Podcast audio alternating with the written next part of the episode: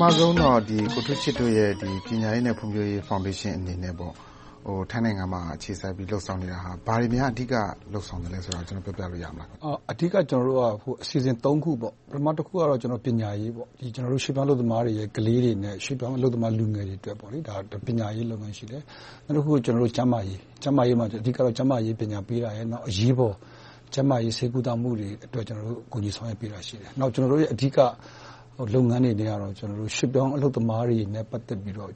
ထိုင်းဥပဒေနဲ့နိုင်ငံတကာဥပဒေအရအကာအကွယ်ပေးတဲ့လုပ်ငန်းတွေလုပ်နေပါတယ်။အရင်ကတော့အစောပိုင်းတုန်းကတော့ထိုင်းမှာရှိတဲ့ကုမ္ပဏီတွေမှာကဏ္ဍစုံမှာလုပ်ကြတဲ့လူတွေလူ့အခွင့်အရေးချိုးဖောက်ခံရတယ်ဆိုတာတော်တော်လေးကျယ်ကျယ်ပြန့်ပြန့်ဖြစ်တယ်။အသံတွေလည်းထွက်တယ်။အခုနောက်ပိုင်းမှာတော့ရေလုပ်ငန်းနဲ့ပတ်သက်တဲ့ဟာတွေ၊လူ့အခွင့်အရေးချိုးဖောက်ခံရတဲ့ကိစ္စတွေတော်တော်လေးသတင်းတွေမှာပါလာတာကိုတွေ့ရတယ်။ထိုင်းကလည်းသူကိုယ်တိုင်က အလုပ်သမားလိုအပ်ချက်တော်တော်များများရှိနေတယ်ထင်တယ်။အဲဒါကြောင့်မို့ဗမာပြည်ကပိုပြီးတော့လူတွေလာကြတဲ့သဘောလား။နှစ်ပိုင်းပေါ့။ထိုင်းအနေနဲ့ထိုင်းမှာရှိတဲ့ထိုင်းလူမျိုးတွေကအခြေခံအလုပ်တွေကျနော်တို့အမြဲတမ်းပြောတယ်အင်မတန်မှအန္တရာယ်ရှိတယ်။ပေရည်ညစ်ပတ်တဲ့အလုပ်တွေကထိုင်းတွေကတော်တော်မလုပ်တော့ဘူး။အဲဒါကလဲသူတို့အနေနဲ့သူတို့အိမ်နီးနားချင်းမှာရှိတဲ့ရွှေ့ပြောင်းအလုပ်သမားတွေကိုအားကိုးရတယ်။ကျနော်တို့မြန်မာနိုင်ငံအနေနဲ့တော့ ကျနော်တို့ရဲ့အဓိကအခြေခံလစာမြန်မာပြည်မှာသတ်မှတ်ထားတဲ့အခြေခံလစာနဲ့ထိုင်းကပေးတဲ့အခြေခံလစာနဲ့တအားကွာတယ်။နောက်တခုကအလုပ်အကိုင်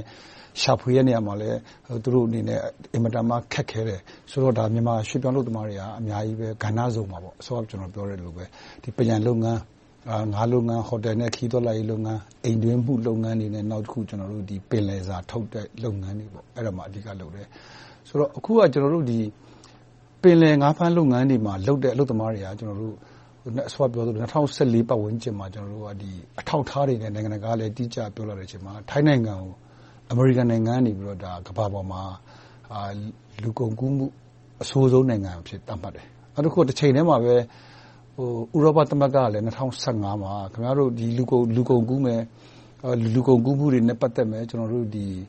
ကျွန်သဖွယ်ခိုင်းစေမယ်။ကလေးအလုပ်သမားတွေသုံးနေအုံးမယ်ဆိုရင်တော့ခင်များတို့ရဲ့ပင်လယ်စာတွေကိုနိုင်ငံခြားကိုသူတို့နိုင်ငံထဲမယူဘူးဆိုတဲ့အထိအဲဒီလိုမျိုး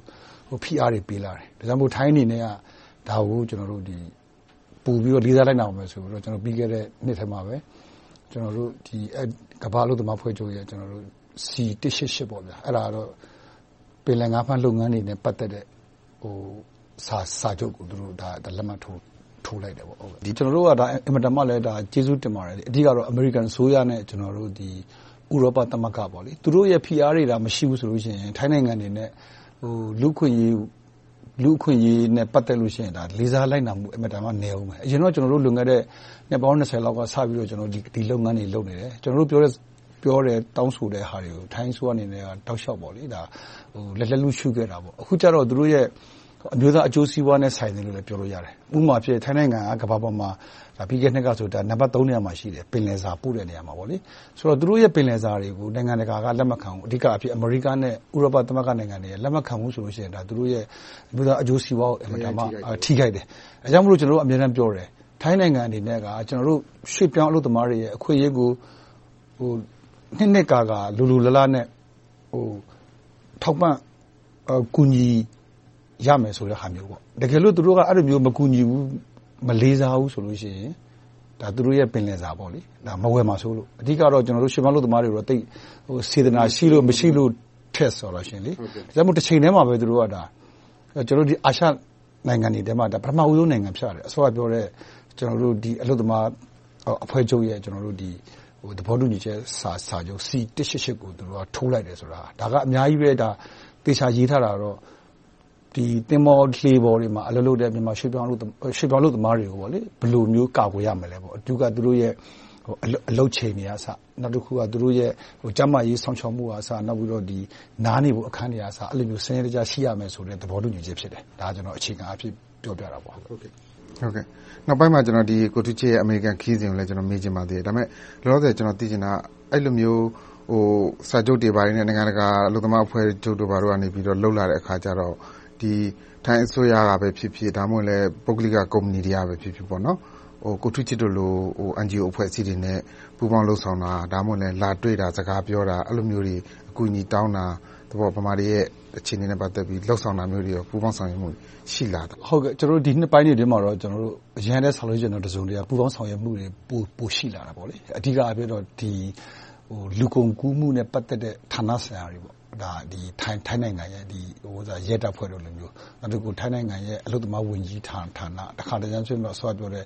လုပ်ငန်းရှင်တွေကသူတို့ရဲ့ရွှေ့ပြောင်းအလုပ်သမားတွေကိုပညာပေးခိုင်းတဲ့ဟာမျိုးတွေ။အခုဆိုရင်ကျနော်တို့အနေနဲ့အလုပ်သမားအဖွဲ့ချုပ်၊ထိုင်းအစိုးရအဖွဲ့အစည်းတွေနဲ့ပေါင်းပြီးတော့ ငါးဖမ်းလုပ်ငန်းလုပ်ကိုင်မယ့်အလုပ်သမားတွေလှေပေါ်မှာမလုပ်ခင်သူတို့ကိုသိသင့်သိထိုက်တဲ့အလုပ်သမားအခွင့်အရေးတွေနဲ့လှေပေါ်မှာဘယ်လိုနေထိုင်စားသောက်ကျင့်ကြံရမယ်ဆိုတာလေးတွေပညာပေးတာတွေကအစပူးပေါင်းဆောင်ရွက်နေတာရှိပါတယ်။ Orientation သဘောမျိုး။တရားဝင်နံပတ်နဲ့တရားဝင်စာအုပ်နဲ့တရားဝင်သွားပြီးစာချုပ်တွေချုပ်ပြီးအစိုးရချင်းစာချုပ်တွေချုပ်ပြီးလုပ်ကြတာဆိုတော့ဒီဥစ္စာကိုရှေ့မှာ အစိုးရအနေနဲ့ဘာတွေများလုပ်ပေးနိုင်တာရှိသေးလဲ။ဒီလိုမျိုးရှိနေတဲ့အချိန်မှာ။အဓိကစောစောကပြောသလို MOU နှစ်နိုင်ငံနားလည်မှုစာချွန်လွှာနဲ့ပို့ထားတဲ့အလုပ်သမားတွေဖြစ်တယ်။ဆိုတော့မြန်မာအစိုးရအနေနဲ့သူတို့မှာလုံးလုံးလားလားတာဝန်ရှိတယ်။ကျနော်တို့အနေနဲ့အမြဲတမ်းပြောတယ်မြန်မာအစိုးရအနေနဲ့ထိုင်းအစိုးရထိုးထားတဲ့စာချုပ်ပါအချက်အလက်တွေကိုဂဃနဏရှင်းရှင်းလင်းလင်းသိရမယ်။ဥပမာ C 188ဆိုတာဘာလဲ။နောက်ပြီးတော့ Cape Town Agreement ဆိုတာရှိတယ်။အဲဒါကလဲလှေလုပ်သားတွေနဲ့ပတ်သက်တယ်။လှေရဲ့ အရည်အသွေးကအစသတ်မှတ်ထားတာရှိတယ်။ဘယ်လိုမျိုးလှေလူဦးရေဘယ်လောက်ပါရမယ်။အိပ်ခန်းဘယ်လိုရှိရမယ်။ဒါမျိုးတွေကအစနိုင်ငံတကာမှာပြဌာန်းထားတဲ့ဥပဒေတွေကိုမြန်မာအစိုးရအနေနဲ့အဲဒါတွေကိုတစုံတရာစနစ်တကျလေ့လာရမယ်။ပြီးတော့လက်မှတ်ထိုးထားတဲ့သူတို့လက်မှတ်ထိုးပြီးတော့ပို့တယ်နှစ်နိုင်ငံသဘောတူတယ်။ထိုင်းအစိုးရအနေနဲ့လဲအလုပ်သမားကိုတကယ်လိုအပ်နေတာ။သူတို့ကလုံးဝကိုပင်လယ် ငါးဖမ်းလှေကထိုင်းအစိုးရမှာတစ်သောင်းကျော်လောက်ရှိတယ်။အစီးရေ။တစ်သောင်းလေးထောင်လောက်ရှိတယ်။ဆိုတော့အဲဒီအချိန်မှာလူကအဓိကအားဖြင့်ကတော့ကမ္ဘောဒီးယား၊လာအို၊မြန်မာဆိုပေမယ့်လဲမြန်မာကလှေလုပ်သားရဲ့သုံးပုံနှစ်ပုံလောက်ကမြန်မာရွှေ့ပြောင်းအလုပ်သမားတွေဖြစ်တယ်။ဒါကြောင့်မို့ကျနော်တို့အနေနဲ့မြန်မာအစိုးရအနေနဲ့အခုလိုမျိုးပေးပြီးတော့လက်လုရှုထားတဲ့ပုံစံမျိုးမဟုတ်ဘဲနဲ့အခုထက်စနစ်ကျတဲ့ပုံစံမျိုးတွေလုပ်သင့်တယ်။နောက်တခုကလဲဒီဘက်မှာထိုင်းနိုင်ငံမှာ မြန်မာရွှေ့ပြောင်းအရေးဆောင်ရွက်နေကြတဲ့ထိုင်းအဖွဲ့အစည်းတွေရှိတယ်။မြန်မာအဖွဲ့အစည်းတွေကျနော်တို့ပဲမဟုတ်ပါဘူးအများကြီးရှိပါတယ်။အဲဒီအဖွဲ့အစည်းတွေနဲ့စနစ်တကျပူးပေါင်းပြီးတော့လှေပေါ်တွေမှာစောင့်ကြည့်တဲ့ပုံစံမျိုးတွေလုပ်ရမယ်။တကယ်လို့ပြဿနာတက်လို့ရှိရင်ထိုင်းအစိုးရကိုတိတိကျကျဆွေးနွေးညှိနှိုင်းတိုင်ပင်ပြီးတော့မြန်မာရွှေ့ပြောင်းအလုပ်သမားတွေကိုစနစ်တကျအကာအကွယ်ပေးမှထိရောက်နိုင်မယ်လို့ကျနော့်အနေနဲ့ယုံကြည်တယ်။ဒေါ်အောင်ဆန်းစုကြည်နိုင်ငံတော်အတိုင်ပင်ခံပုဂ္ဂိုလ်-ဒေါ်အောင်ဆန်းစုကြည်အစိုးရ NLD အစိုးရမတက်ခင် တကြိမ်လာတုန်းက၊အစိုးရဖြစ်ပြီးမှလာတုန်းက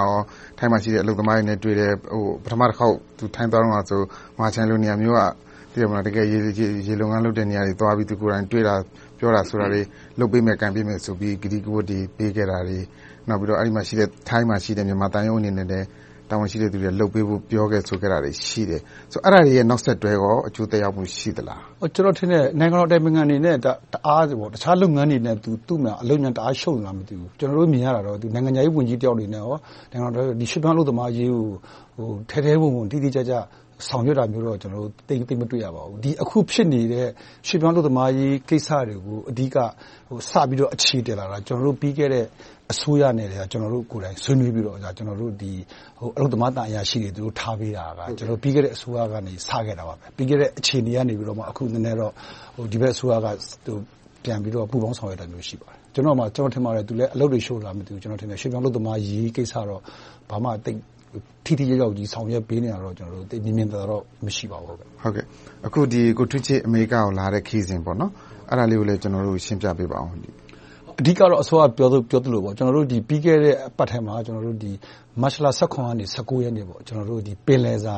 ကုန်စည်ပြပွဲအမေရိကန်ရဲ့ကုန်စည်ပြပွဲလုပ်တယ်။အဲဒီမှာအစိုး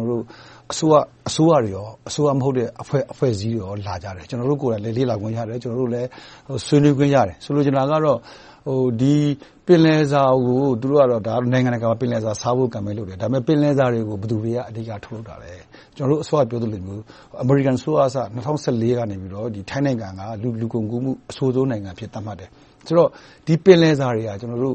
ခေတ်သစ်ကြေးကျွန်တွေလိုလုပ်ပြီးမှရတဲ့အစာတွေဖြစ်တယ်ဆိုတဲ့အကြောင်းကိုကျနော်တို့အနေနဲ့တချို့အဖွဲ့အစည်းတွေနဲ့တွေ့တဲ့အချိန်မှာလာပြီးတော့မျှဝေတယ်။ကျနော်တို့ရဲ့အတွေ့အကြုံတွေကိုလာပြီးတော့ဖလှယ်တာဖြစ်တယ်။တချိန်တည်းမှာပဲကျနော်တို့ နဲ့အမေရိကန်အလုပ်သမားသမဂ္ဂတွေနဲ့ပူးပေါင်းဆောင်ရွက်တာတွေရှိတယ်။အမေရိကန်အလုပ်သမားသမဂ္ဂတွေကလည်းအမေရိကန်ဝါရှင်တန်မှာအခြေစိုက်တဲ့တခြားအစိုးရမဟုတ်တဲ့အဖွဲ့အစည်းတွေ၊အစိုးရဌာနဆိုင်ရာအလုပ်သမားဝန်ကြီးဌာနကအစပါတယ်။နောက်တခုကတော့အဓိကတော့အလုပ်သမားသမဂ္ဂတွေနဲ့ကျနော်တို့ပေးတွေ့တယ်။ကျနော်တို့ရဲ့အခြေခံလိုအပ်ချက်တွေအဓိကအားဖြင့်တော့နည်းပညာလိုအပ်ချက်၊ဘဏ္ဍာရေးလိုအပ်ချက်ကအစသူတို့ တတ်နိုင်သလောက်ဝိုင်းဝန်းပံ့ပိုးမယ်။ကျနော်တို့နဲ့ပူးပေါင်းပြီးတော့လက်ရှိအနေအထားကိုစောင့်ကြည့်ပေးဖို့ဆိုတဲ့ရည်ရွယ်ချက်နဲ့ဖိတ်တာပါ။ဖိတ်တော့ကျနော်တို့ကလည်းရေရှည်မှာလည်းအမေရိကန်အလုပ်သမားသမဂ္ဂတွေ၊အမေရိကန်အစိုးရတွေနဲ့ပေါင်းပြီးတော့ဆောင်ရွက်မှာပါ။မနေ့ကလည်းအမေရိကန်အလုပ်သမားဝန်ကြီးဌာနနဲ့သွားဆွေးနွေးဖြစ်ပါသေးတယ်။ကိုထူးချစ်ကျေးဇူးအများကြီးတင်ပါတယ်